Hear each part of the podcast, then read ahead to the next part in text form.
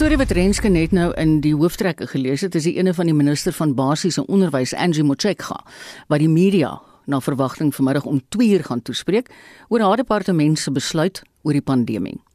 Ons het toe by 'n paar onderwysers gaan hoor wat hulle dink van die huidige stand van sake.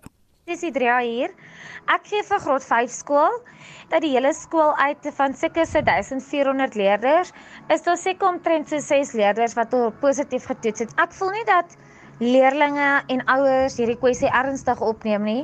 Omrede die leerlinge sal in die klasse die maskers afhaal en ons moet hulle gedurig herinner om die maskers weer terug op te sit. As jy ook na skool verby die skool sal ry, sal jy sien hulle speel buite rond en hulle maskers is nie op nie en daar's geen sosiale afstand nie. Ek hou dan skool vir graad 9, 11 en 12. In ons skool het ons seker op die meeste so 20 leerders wat dit self het, maar daar's baie wat isoleer omdat ouers dit het by die huis of 'n boetie of 'n sussie. So dis 'n groot probleem, groot frustrasie vir onderwysers omdat ons nou ekstra maatreëls moet tref om hierdie kinders te akkommodeer in isolasie omdat hulle dan nie met die ander kinders kan skryf nie. So ek dink nie ouers neem dit noodwendig baie ernstig op nie. Ek dink almal is half moeg vir die hele effek van maskers dra en die regte ding te doen. So ek dink dit het 'n groot effek in die verspreiding van die virus op hierdie stadium. Ek dink nie die skole moet sluit nie. Baie van hierdie leerders is baie veiliger by die skole. By dit gesê, is ons alreeds verskriklik agter met die kurrikulum en die leerders het boublokke waarop hulle moet bou en daai boublokke is besig om stelselmatig stuk vir stuk weggevat te word. Dit dan die stemme van 'n paar onderwysers wat hulle mening met ons gedeel het. Nog 'n onderwyser het vir ons 'n WhatsApp gestuur en geskryf en ek haal aan: Ouers en leerders neem dit definitief nie ernstig op nie. Tydens klastyd selfs wat ons nou net gehoor het, word die maskers al ewig afgehaal of dit hang onder die ken. Ouers bring hulle kinders skool toe soggens en loop sonder hulle maskers. Om die skole te sluit gaan net die kinders nog verder agtermaak as wat hulle reeds is. Hulle gaan steeds buite kan speel en blootgestel word. Dalk selfs meer as daar nie onderwysers is om hulle te herinner aan die maskers nie. So dis 'n paar menings van 'n paar onderwysers met wie ons gepraat het.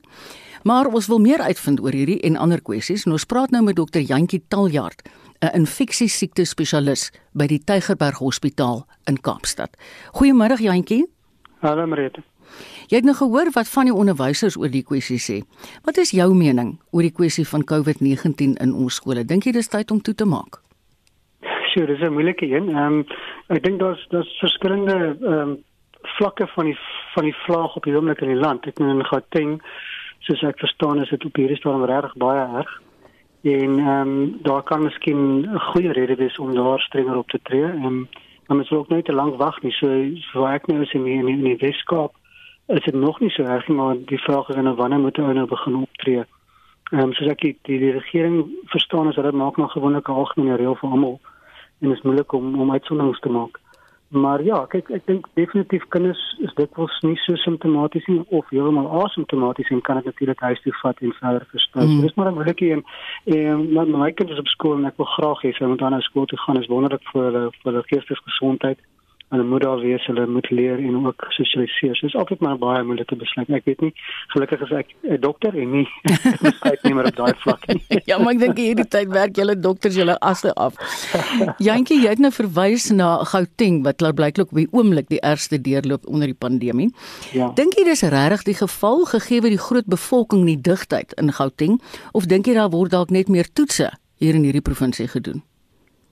Ja, daar is maar van die eerste van die eerste vlug af al altyd met die vraag gewees, weet hoekom het ons so geval as dit ons baie toets en, en so maar ek dink ons moet kyk na die hospitale veral in die mm. private sektor. Ehm um, wat regtig vol is en en, en nie meer spasie het nie. Dink dit is 'n goeie ehm um, ma uh, maatstaf om na te kyk is na jou hospitalisering en na jou mortaliteit eerder as jou positiewe toetse. Die ander die ander ding waarna hulle dit dikwels kyk is na die persentasie van toetse wat positief is. So ehm um, jy kyk na die hoeveelheid mense wat getoets word, die hoeveel van hulle is positief. So weet jy nou net 10 getoets, as 10 positief is, dis baie erg. En en so dan kan jy dan 'n idee kry van dit reg erger word en Gauteng is dit definitief vir hom net baie erg. Jy het nou gehoor wat die onderwysers net nou kwyt geraak het en baie van hulle is nou al van volgende week af geoormerk om ingeënt te word. Maar intussen word die regering gekritiseer vir die stadige tempo vir landsburgers met die inenting.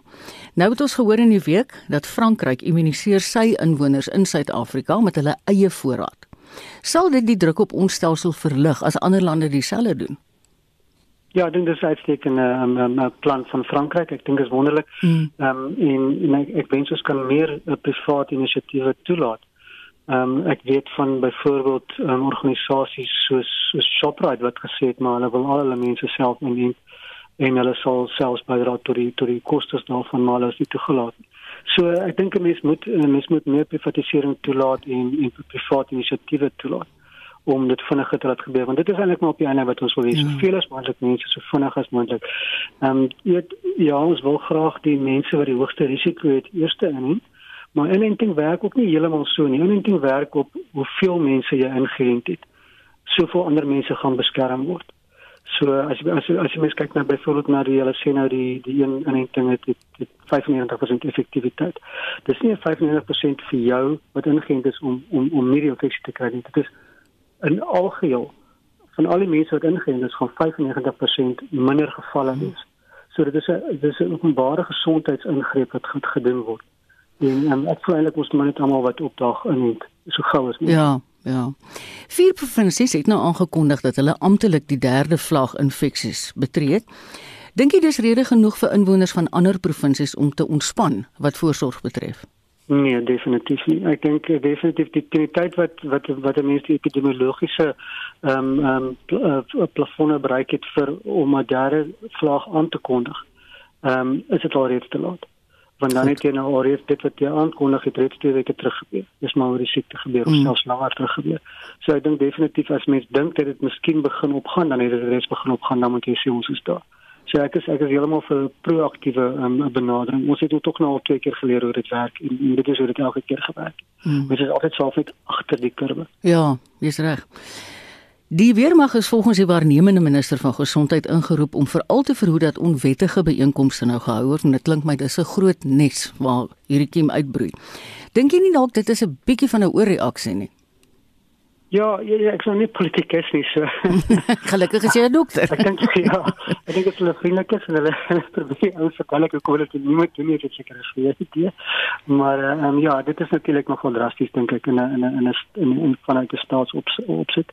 Maar ehm um, weet dit is dit is belangrik om om te weet dat dit is tog maar waar groot uitbrake plaasvind en uh, op die einde wil mense lewens red. So hoe mense dit doen, ehm um, dit is natuurlik altyd debatteerbaar.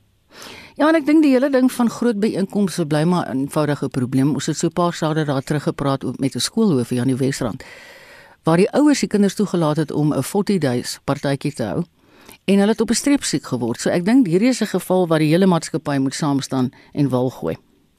Ja, nee, ek stem 100% saam met jou. Dit is maar dit dit, is uh, die gemeenskap, ons is almal saam daarin en ons moet almal wat bydra lewer. Of jy nou gaan vir jou inenting en of jy nou jou masker dra of jou ja. afstand hou of nou nie daai lekker verre gaan oorslaap by iemand doen nie. Daai daai dinge is maar alles 'n klein klein goedjies wat 'n groot verskil maak op die einde. Jantjie, ons praat die hele week met julle ouens soos julle. Baie dankie dat ons jou op 'n Saterdag ook nog kon bodder. Dit was dokter Jantjie Taljaard. Jantjie is die hoof van infeksie siekte afdeling by die Tygerberg Hospitaal. Hy is ook verbonde aan die Universiteit Stellenbosch. Dis op die kop kwart oor 12. Werknemers in die onderwysstelsel in die Noord-Kaap gaan na verwagting van volgende week af hulle inentings teen COVID-19 ontvang. Minstens 7000 dosisse en stof sal in die provinsie versprei word. Reginald Witboy berig, die provinsie se ALR vir gesondheid, Maroping Lekwene, het die aankondiging gister gemaak tydens sy begrotingsrede vir die 2021-2022 finansiële jaar. Lekwene sê minstens 14000 Pfizer-enstof dosisse sal binnekort regoor die provinsie afgelewer word. Met die toename in COVID-19 gevalle is onderwysers die volgende in lyn om hul inentings te ontvang. In addition to this, next week will be starting a program to vaccinate workers in the basic education sector. In the weekend, the president announced that agreement had been reached with Johnson & Johnson to urgently start making their vaccine available from the Aspen Pharmaceuticals facility in Eastern Cape. The Northern Cape will receive over 7,000 vaccine doses to use in schools over the following two to three weeks. The Education Department has identified 14,000 workers who need vaccinating. In the first two weeks, We have agreed with the Department to vaccinate those workers 40 years and over in the first stage. Volgens Lekwene het die aantal nuwe infeksies in die provinsie afgeneem sedert Mei toe daar 'n toename aangeteken is. As Cape, we experienced an early rise in numbers during the third wave. In the beginning of May, the incidence of COVID-19 infections per 100,000 people began to rise much quicker and higher than the rest of the country. We seem to have reached a plateau and possible slowdown for new infections in the last few days. As the saying goes, we are not yet out of the woods. Intussen het die departement volgens hom minstens 254 miljoen rand se ongematigde besteding aangegaan in die afgelope finansiële jaar. Hoewel vanjaar se begroting 1,7% laer is as verlede jaar, hoop die departement om gesondheidsorg in die provinsie te verbeter. The baseline budget for 2021-2022 FTF is 5 billion 716 million rand. You are, you entrusting us with. You do so on behalf of the people with have a, an expectation that we will use this budget, their money, prudently. This money includes the various other allocations that the National Department of Health has made available through grant funding to achieve specific goals. Hy het verder beklemtoon dat die provinsie aan 'n tekort van 800 verpleegpersoneel ly en dat planne beraam word om die struikelblok te oorkom. Ek is Reginald Witboy in Kimberley. Die minister van verdediging en militêre veterane, Nosifiwe Mapisang Akula, sê die COVID-19 pandemie maak dit duidelik dat behoorlike befondsing aan die departement van kritiese belang is. Sy deelgeneem aan 'n sitting van die Nasionale Raad van Provinsies waar sy mondelinge vrae beantwoord het saam met ander rolspelers in die sekuriteitssektor. Zelin Merrington doen verslag. Die wat krities is teenoor die departement van verdediging en militêre veterane is gou om te vra vir besnoeiings aan die departement as dinge moeilik gaan. So sê minister Nosiviwe Mapisa Ngakula ter verdediging van versoeke vir meer geld. Sy meen alhoewel die departement nie konstant in konflik betrokke is nie, beteken dit nie hulle voeg nie waarde by nie. I think the COVID period actually highlighted to everybody the importance of investing in your defense force, even though you did not need certain capabilities because it was a fight against an invisible enemy, although you did not require armaments. But the point is, fact is, you have to invest in regular and continuous training. State of readiness of the defense force must be up to scratch all the time so that in the event you are confronted by the kind of situation we found ourselves in, for instance, where you had to mobilize the entire defense force, where you had to mobilize your, your reserve force as well, your state, your defense force is not caught napping. Die adjunkminister van polisie, Kassel Matale, moes bond staan rondom vrae oor die toename vir die spesiale beskermingseenheid van 1,7 miljoen rand terwyl talle departemente insluitend polisie met minder moet klaarkom. I think it's important for members to understand that uh, uh, VIP protection is part of the tools of trade that members of the executive, members of the judiciary and uh, dignitaries that visit our country, be it heads of state from other countries that come to South Africa. They are expected to be given these tools of trade for them to be able to carry out their work effectively. I agree with the observation that they've made, which needs our attention the issues of properly capacitated stations, vehicles of subs that are working and are not in garages, not being attended to. Those are separate questions from uh, the issues of uh, tools of trade. Intussen sê die minister van Justisie, Ronald Lemula, hy is bemoedig deur die vordering wat wetstoepassers maak om die wat aan staatskaping en korrupsie verbind word aan die pen te laat ry. There have been uh, prosecutions that have happened uh, or that are happening on this PPE corruption. There have also been uh, monies that have been uh, returned or are being in the process of being recovered through the special um, tribunal and that the special tribunal has enabled us to fast track the handling of such matters and the monies are being um, recovered and that does shows the effectiveness of the systems that have been put in place Dit was die minister van Justisie Ronald Lemula Zelin Merrington parlement Is ingeskakel op RSG, dis die program Naweek Aktueel. Baie welkom as jy knap nou ingeskakel het. Heeltemal 'n ander storie. Die plaaslike rekenaarspeletjie gemeenskap is ver oggend met die nuus begroet dat een van hulle makkers gisterand in hulle huis beroof is. Sterna Loos en haar eggenoot Mario Engelbreg van Centurion in Gauteng was besig om 'n aanlyn speletjie, Call of Duty Warzone, te speel toe hulle aangeval is. Die aanvallers het nie geweet dat Sterna vir die speletjie 'n sogenaamde inhoudskepper is nie wat op daai oomblik besig was om haar speletjie regstreeks op die platform Twitch uit te saai. Dus is die boewe op video vasgevang terwyl hulle die rooftog gepleeg het. Ons praat nou met Sterna oor hierdie voorval en ook op die lyn is hulle huisvriend Jaco Viljoen wat 'n groot rol gespeel het om die aanvallers te verjaag. Goeiedag Sterna. Goeiemôre, hoe gaan dit? Weet jy, ek dink hier by ons kan klink dit my bietjie beter as met julle. Vertel ons ja. presies wat gisterand gebeur het, man. Um ons ons het ons normale naweek um speeltyd en um gewoonlik op 'n Vrydag en 'n Saterdag stream ek, ek noem dit stream. En um ek ek dink ek was miskien 2 ure in my stream in gewees en ek het net skielik iemand op my gevoel my my um headset aftrek en toe ek regs oor my skouer kyk, toe kyk ek in 'n geweer vas. Ja. Al het ons gedwing om op die grond te gaan. Wat het op daai oomblik deur jou kop gegaan, wetende dat jy besig was om op Twitch uit te saai? Um op die oomblik weet ek nie jy's ek was glad nie bekommerd oor die stream self nie. Ek was net meer bekommerd oor my twee seuns want hulle is in die huis. Ag, so, um, is hulle nog klein sterna? Uh ja, my jongste is 9 en my oudste is 12. Ja. Wil jy nie net vir luisteraars wat nou dom is soos ek, he, net sê wat presies is Twitch? Um Ekskuus, nee, maar daar da is van ons soort jy, ook. as 'n Ekskuus, dis 'n platform waar jy as 'n content creator kan um jou speelwyse wys en en saam met ander kan connect wat wat ook belangstelling toon daarin. Dit is maar 'n 'n groot community wêreldwyd.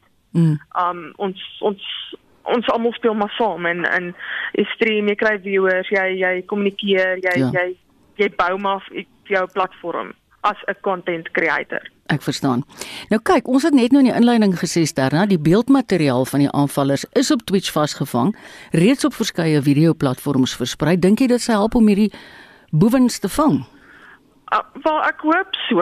Ek ek op die oomblik so getraumatiseer soos ek is, het ek nie baie uh, as ek dit in Engels kan sê, ek is nie baie confident nie, mm. maar as enige iemand iets weet of ja. hulle dalk hulle het hulle nou gesien hulle dalk raak sien moet hulle net die naaste polisie bel en dit net rapporteer. Weet jy, ehm um, wat vir my riem onder die hart is. Justin het hierdie storie vir ons ondersoek en uit vir my laat weet dat die rekenaarspeletjie gemeenskap dadelik saamgetrek het om julle. Ek is baie dankbaar daarvoor. Baie dankbaar. Sal jy omgee as ek gou vir 'n oomblik met Jaco Viljoen gesels? Ja, natuurlik, net 'n oomblik. Baie sterkte vir jou en vir jou man Mario. baie dankie. Jaco. Hallo Jaco.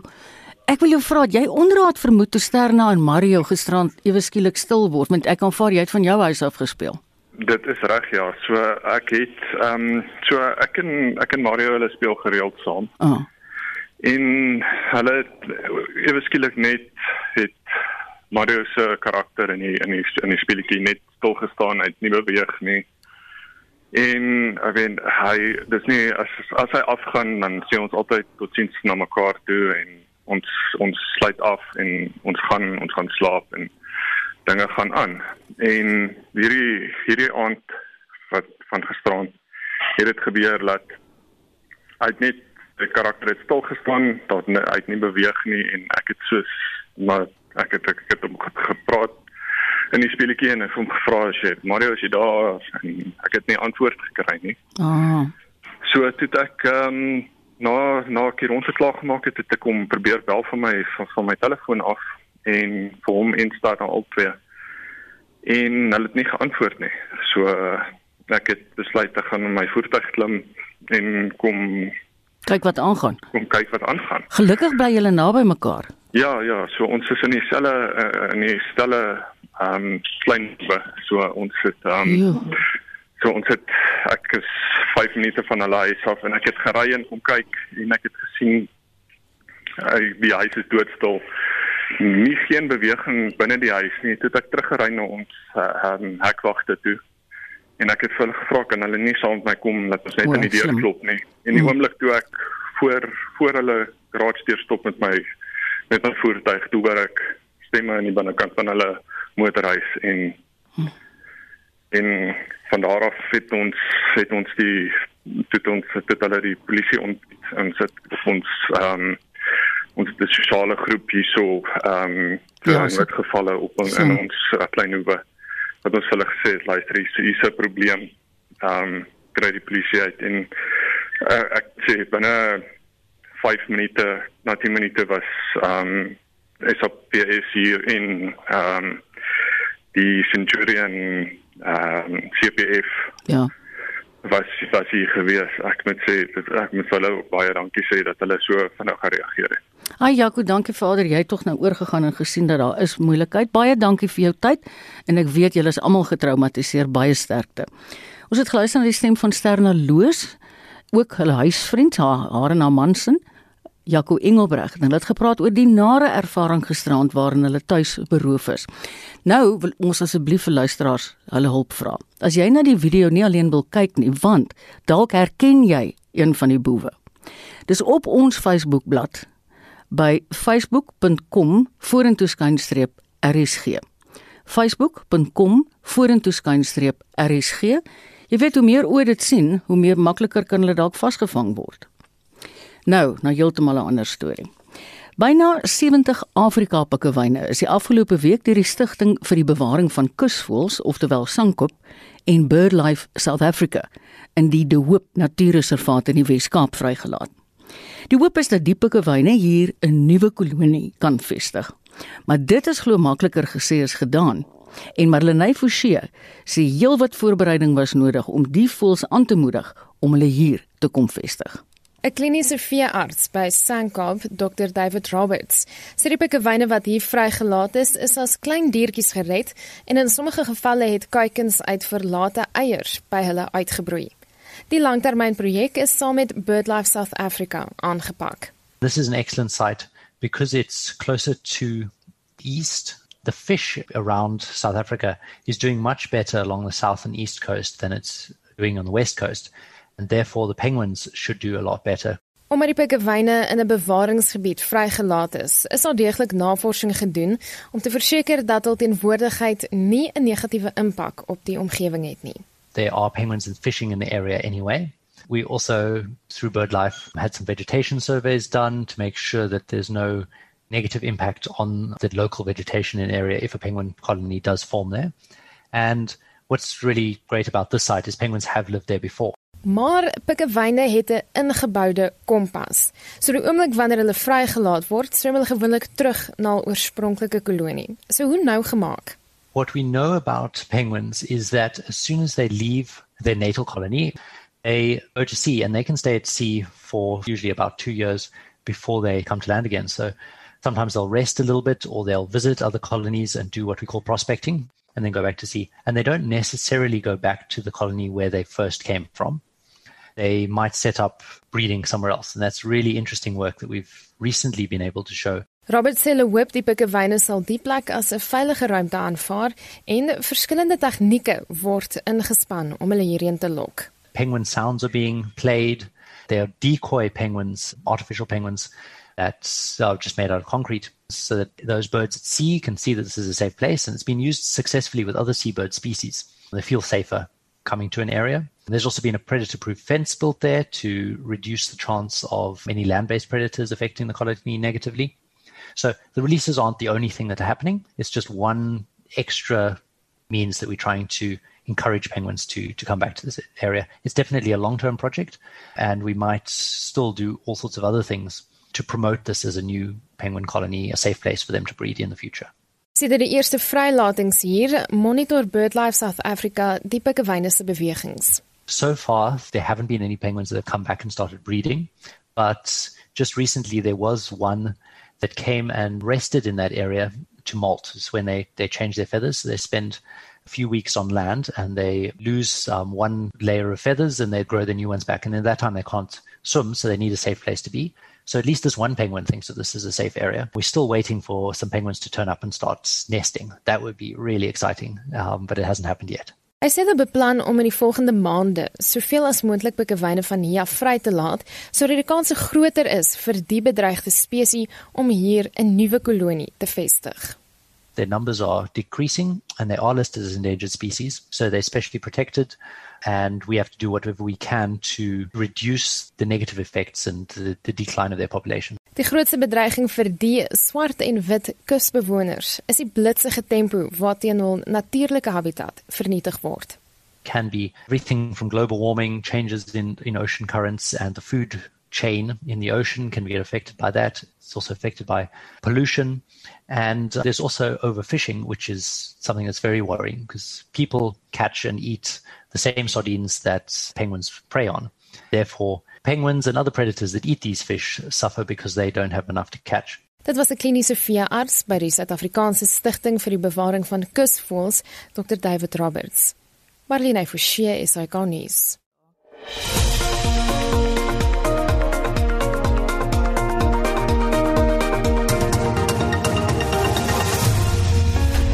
Dit woeker en woel die naweek op die sportveld en Pieter van der Berg is gereed met die jongste inligting. Hallo Pieter. Hallo Marita. Die eindstryd van die Trans-Tasman se rugbyreeks is toe vanoggend afgehandel, maar jy het ook ander rugby nuus, né? Nee? Ja, daardie trans eh, Tasmanse rugby reeks is natuurlik uh, die wedstryd wat gespeel is, die eindstryd nadat die, die spanne van Australië en Nieu-Seeland meegeding het in die afgelope klompie weke. Net vanoggend net na 9 begin daar op Eden Park in Nieu-Seeland. Nou die Blues, hulle 2-3 gedruk teenoor geen van die Highlanders nie en die Blues sport nou met die eerste keer in 18 jaar het hulle weer 'n trofee in hulle trofeekas. Die eindtelling daar 23-15. Dan gisteraand is die Currie Beeker se eerste wedstryd gespeel. Die Pumas het 5-3 teenoor die Lions se ingedruk en die Pumas se vir daar met 39-10. Dan vandag aan die Beeker reeks twee wedstryde gespeel word. Griekwas en Haie, hulle meet die Haie, hulle meet kragte in Kimberley en daardie wedstryd begin om 12:30 En dan later vanmiddag tussen uh van 4 uur af tussen 4 en 6 is dit die bulle in die Weselike provinsie wat mekaar die tyd aan sê op Loftus Versveld en Johan Rademan sal verslag doen oor daardie wedstryd.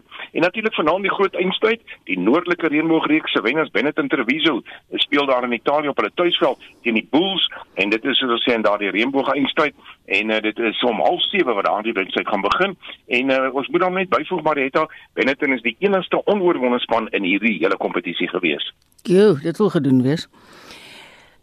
Nege Suid-Afrikaners se name was donderdag op die inskrywingslys van die 156 spelers vir die Amerikaanse Ope Golf Toernooi. Ek sit nou hier en kyk na 'n kyk weer daarvan. Hoeveel van daai van ons is nou nog daar wat die laaste twee rondes gaan aanpak? Ja, dis 'n maklike sommetjie 6 van die 9, maar kom ons gaan haal die storie natuurlik. Dis die 121ste Amerikaanse Ope wat gespeel word. Dis by Torrey Pines in San Diego. Ehm um, en dan uh, gisteroggend 'n monitor het ek berig dat Louis Oosthuizen mm. op 400 syfer die mede-voorloper was na die uh, eerste ronde. Nou na die tweede ronde is dit uh, Richard Bland en Russell Henley wat op 500 is. Hulle is die uh, gesamentlike voorlopers. Louis Oosthuizen net een agter, hulle steeds op 400 nadat hy 71 gespeel het in sy tweede ronde. Matthew Wolff is saam met hom daar op 400. Nou die kwalifikasie vir die laaste twee rondes was toe op 4 oor syfer gewees plus 4 en dit beteken dat uh, ses Afrikaners van die aanvanklike 9 nog in die toernooi is. Daar sal dan in 'n totaal 71 spelers sake verder uitspook in die toernooi. Christian Besuitnout en Brian Grace, hulle is 13de gesamentlik, gelyk aan syfer. Dylan Fratelli en Charles Swarts, hulle is 3 oor syfer en Wilco Ninaber, hy's op 4 oor. En dan by die LPGA Tour in Amerika word die Major Classic gespeel en daar rondte 2 is Suid-Afrika se Ashley Buy 25ste op 700 syfer. Die voorloper op 1500 is Leona Maguire van Ierland. Ek is seker as ons Suid-Afrikaanse spelers saam speel op 'n bof dan praat hulle seker Afrikaans. Wel, dis baie interessant, net drie van hulle was saamgegroepeer in dieselfde driebal tydens die eerste twee rondes, maar baie beslis nie. Ek dink ek dink hulle mag ook so 'n bietjie eers eers 'n bietjie deur mekaar dink als als hoor wat uh, ek ek wou amper sê die raad wat hulle vir mekaar gegee ja, het so ja. voorspel. dis 'n baie besonderse naweek op die renbaan en die rede is dat daar beide MotoGP en Formule 1 wedrenne gejaag word. Ja, die MotoGP van Duitsland spring môre om 2 uur weg nou in die eerste oefensessie. Maak maar kwes gister die vinigste, Brad Binder 22ste, maar dit het beter gegaan. Hy was 15de in die tweede oefensessie met Miguel Oliveira op sy KTM die vinnigste en dan vanoggend in sessie 3 was Brad ongelukkig 18de. So dit gaan nie te goed aan met Brad Binder nie, maar in Moto 3 is dit Darren Binder wat 16de was in die eerste oefening, toe 7de in die tweede oefensessie en uh, nou ja, kom ons vertrou dat hy ietsie kan regkry in daardie uh, Moto 3 wedren môre. Dan in Formule 1 is die fokus op Frankryk en daardie wedren begin môre middag 3 uh, uur Suid-Afrikaanse tyd. Nou gister in sy eerste oefensessie, dan sien dit baie goed vertoon. Uh, ek sien nou wel, Terry Bottas was die vinigste met Lewis Hamilton tweede vinigste Max Verstappen, hy was die derde uh, vanste en toe in die tweede oefening was dit Verstappen wat die uh, bordjies verhang het. Hy was die vinnigste gevolg deur die twee Mercedes en Fritz Klaaste sal ons vanmiddag en môre op hoogte hou van die jongste gebeure wat motorwedrenne aanbetref. Op watter baan jaag hulle Pieter? Ek het nie die uh, spesifieke baan nou by o, my nie. Uh, maar dis een van die in Frankryk. Ja, nee, dis nee. dis in Frankryk nie. Ek het hom nie by my nie. O oh, ja, dis La Castelle as ek reg onthou. La ja. Castelle. Ja. OK. Nou Wimbledon met sy gebruikelike arbeye in Rome is nou net 9 dae weg. Hoe staan sake op die oomblik want ek weet die grasbaan seisoen het begin nou. Ja, nee, baie interessante toernooi. In Engeland is dit die Fever 3 toernooi. Nou in die kwartfinale gister was daar oorwinnings vir Alex de Minaur en Matteo Berrettini en in Duitsland is die ronde van 16 uh twee dae terug afgehandel. Lloyd Harris, hy daar met uh Lucas Lecco afgehandel. Harris natuurlik van Suid-Afrika, maar gister ongelukkig in die kwartfinale is hy uitgeskakel. Hy is deur Nicolas Basilashvili met 6-4 en 7-6 uitgeskakel. Dan uh die ander man wat 'n goeie oorwinning behaal het en deur is aan die halfwyn toe is Andrei Andrei Rublev Hy het vir Philip Kohlschreiber met 7-6 en 6-2 getroof. En dan in die vroue toernooi in Berlyn het ek uh, gesien Victoria Azarenka en Belinda Bencic, hulle het beide deurgedring na die halffinale toe. Hm. Wel ek kon nie wag tot ons nou by die cricket uitkom nie, want kyk, dis nou op die oomblik ons hoofdis. Die rede natuurlik die wêreldtoetskampioenskap se eindstryd gister het beginne en ons Proteas is vir 'n slag weer in aksie. Ja, die spanne van New Zealand en Indië pak mekaar in daardie toetskampioenskap se eindstryd om te bepaal wie aan die wêreld se voorste toets cricketspan. Nou die eindstryd word in Southampton gespeel. Gister kan jy glo ongelukkig geen spel nie. Die spel is afgestel as gevolg van reën en vanoggend op dag 2 kon hulle daarom eh, die lood eh, daar doen en dis New Zealand wat die lood gewen het. Indië ingestuur om te kolf en op die oomblik staan Indië op 49 sonder verlies en dit na 16.2 bilbeurte. Rowie is op 25 en Gill daar op 23 20, so dit gaan goed met Indië daar. En uh, dan wat die Proteas aan betref, is die tweede en laaste toets teen die Windies wat gister begin het. Nou die Windies het Suid-Afrika aangestuur om te kolf. Ons het baie gou drie paadjies verloor, so diep in die moeilikheid geweest, maar Dean Elgar, hy het 77 bygedra van 'n nee. massiewe 237 balle wat hy getrotseer lank gestaan. Calverine, hy het 27 bygedra en dan sal Quentin de Kok vandag kom voorkom met sy dan op 59 nie uit nie.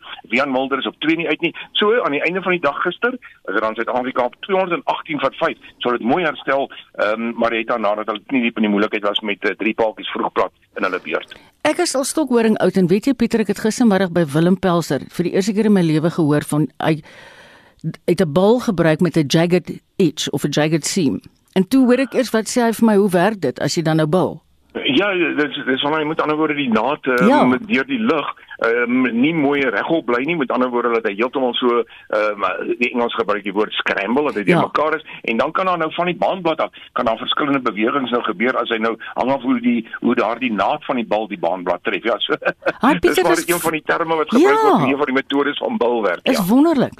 Ek wil jou vra van sokker. Meeste ondersteuners se fokus is seker sê dit gister op Europa gerig Ja, baie waar is die internasionale venster wat so vir eers verby is. Ehm um, dit is uh, in die UEFA se 20 Euro 2020 uh, eh, kampioenskap gister drie wedstryde wat gespeel was Engeland en Skotland. Ja, twee groot aardsvyande gelyk op gespeel met 0 elk. Dan Kroasie en die Tsjechiese Republiek 1 elk gelyk op gespeel en Swede Hulle het ge, eh, uh, Slowakië geklop daar met uh, Slowakye verskoning met 1 uh, doel teenoor 0. En dan vandag is dit Hongarye teen Frankryk om 3uur 6uur Portugal teen Duitsland. Dis 'n groot sokkerwedstryd in wêreldsokker en Spanje teen Pole vanmiddag, nee vanaand as koning en dit is om 9.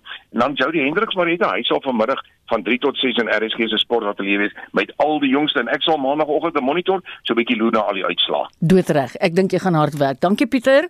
Dis Pieter van der Berg. Hy het vir ons die sporthoogtepunte van die naweek beskryf. In ons weeklikse motorrubriek toets Wessel Pretoria se vandag 'n Toyota en 'n Chinese trokkie. Toyota se Prado eienaars en potensiële kopers kon met reg gesnoep voel. Want toe die nuwe generasie Hilux en Fortuner so 'n stuk of 5 jaar gelede verskyn het, het die 2.8 turbo diesel meer krag uitgestoot as die Prado se ouer generasie 3 liter turbo diesel. Wat nie sin maak nie, want die Prado is 'n groter, swaarder, luukser en duurder sportnuts as die Fortuner. Ja, daar was nog altyd die vinniger 4 liter petrol Prado beskikbaar, maar dis 'n brandstofvraat. Gelukkig, toe die Fortuner en Hilux se kraglewering einde verlede jare end opgestoot is, het Toyota die ou 3 liter en 5 spoed met die einste 2.8 en moderne 6-spoed outomaties vervang vir 'n welkome kraginspuiting. 30 kW en 'n volle 100 Nm meer vir 'n respekteerbare 150 kW en 500 Nm.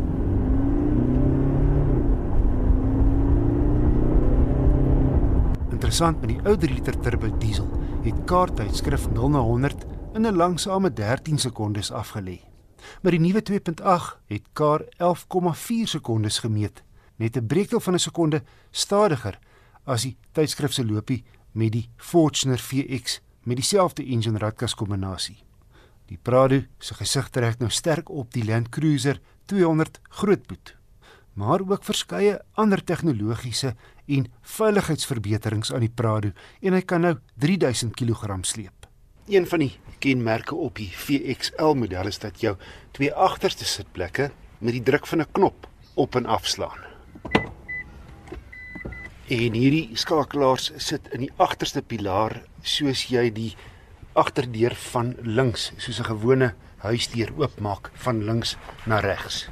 En dan kan die twee voorste passasiers hulle sitplekke of verkoel of verhit en jou middelste ry kan hulle sitplekke verhit. Kenmerke soos 'n sondak, aanpasbare togbeheer en verskillende bestuursmodusse kom ook standaard op die topmodel baie spasie vir insittendes en hul bagasie. Die tweede ry sitplekke kan vorentoe en agtertoe skuif. Daar iets op daar onder daai slootjie kan sit. Tydens 'n vakansie na Umbabat teen aan die Kreerwiltuin het ek ook kans gehad om sy legendariese veldry vermoë te toets. Sy agterste en sentrale ewenaars sluit. En die Prado kan hidrolies lig. Is by rotse kom ons sit hom in sy rotsmodus.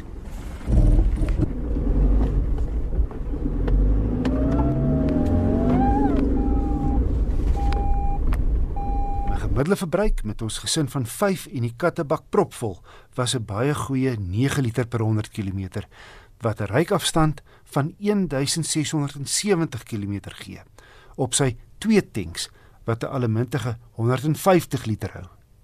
Die oorskakeling van die een na die ander gebeur soemloos. En Toyota sê hy kan op die minder skoon 500 ppm diesel loop vir die wat Afrika wil invaar. Die Prado se hantering is nie so dinamies soos byvoorbeeld 'n Mercedes GLE nie, maar hy speel besonder goed klaar met hobbels en slaggate. Toyota se Prado is al 12 jaar op die mark en hy is in sekere opsigte ou skool. Maar hy het homself al deurendeur bewys in terme van betroubaarheid en veelsidigheid. En die jongste ritsvernuwings maak hom 'n baie aantreklike opsie vir avontuurlustiges. Die reeks begin by R978 000. Die VXL topmodel kos net oor die 1,15 miljoen. Kia en Hyundai se 1,3 ton trokkies word in al wat 'n stad en dorp is ingespan. Nou die Chinese vervaardiger JAC ook tot die mark toe getree met 'n 1.5 ton trok, die X200. Kenmerkend van die werkesels is dat jy op die enjin sit met 'n lang bak agter jou. Hierdie groot bak het valkante agter. Met ander woorde, al drie sye het kante wat jy redelik maklik met die trek van 'n hefboom afslaan. Om die op en aflaai van goed te vergemaklik. En uh, heel agter 'n lekker stewige buffer wat ook dien as 'n trap om uh, agterop te klim. Van agteraf word jy ingelig. Links staan 1.5 ton, dis hoeveel gewig hy kan dra. regs 2.8 TD vir die 2800cc turbo diesel masjien. Mense is skepties oor Chinese rygoed, maar op die oog af lyk die JAC goed aan mekaar gesit. Binnekant soos buite het die boukwaliteit of in elk geval die aanvoelbare boukwaliteit my beïndruk. Nêrens kon ek 'n skewe paneel of 'n swak stuk werk oplet nie. En die paneelbord vir 'n werkesel is nogal heel netjies uitgelê asook die sentrale konsole met 'n radio. Die groot ding is lugversorging kom standaard. Dis nou boonbehalwe kragstuur en ehm uh, wat ook handig te pas kan kom is hy het plek vir 3 mense voor. En as jy die middelste se plek wat 'n bietjie dunner is as die ander twee nie gebruik nie, kan jy die rugleuning afslaan wat dan vir jou twee koppiehouers gee as ook 'n laai wat kan oopslaan waar jy goed soos 'n beursie of sleutels of 'n notaboek kan uh, toemaak buite die sig van omstanders. Verder kan die hoofligte op en afstel en die deure sluit outomaties sodra jy 40 km/h bereik. Die masjien is maar lawaaierig. Maar dit is gebaseer op 'n vorige generasie Isuzu bakkies en so hy behoort betroubaar te wees. Die 2.8 turbo diesel skop 80 kW en 240 Nm uit.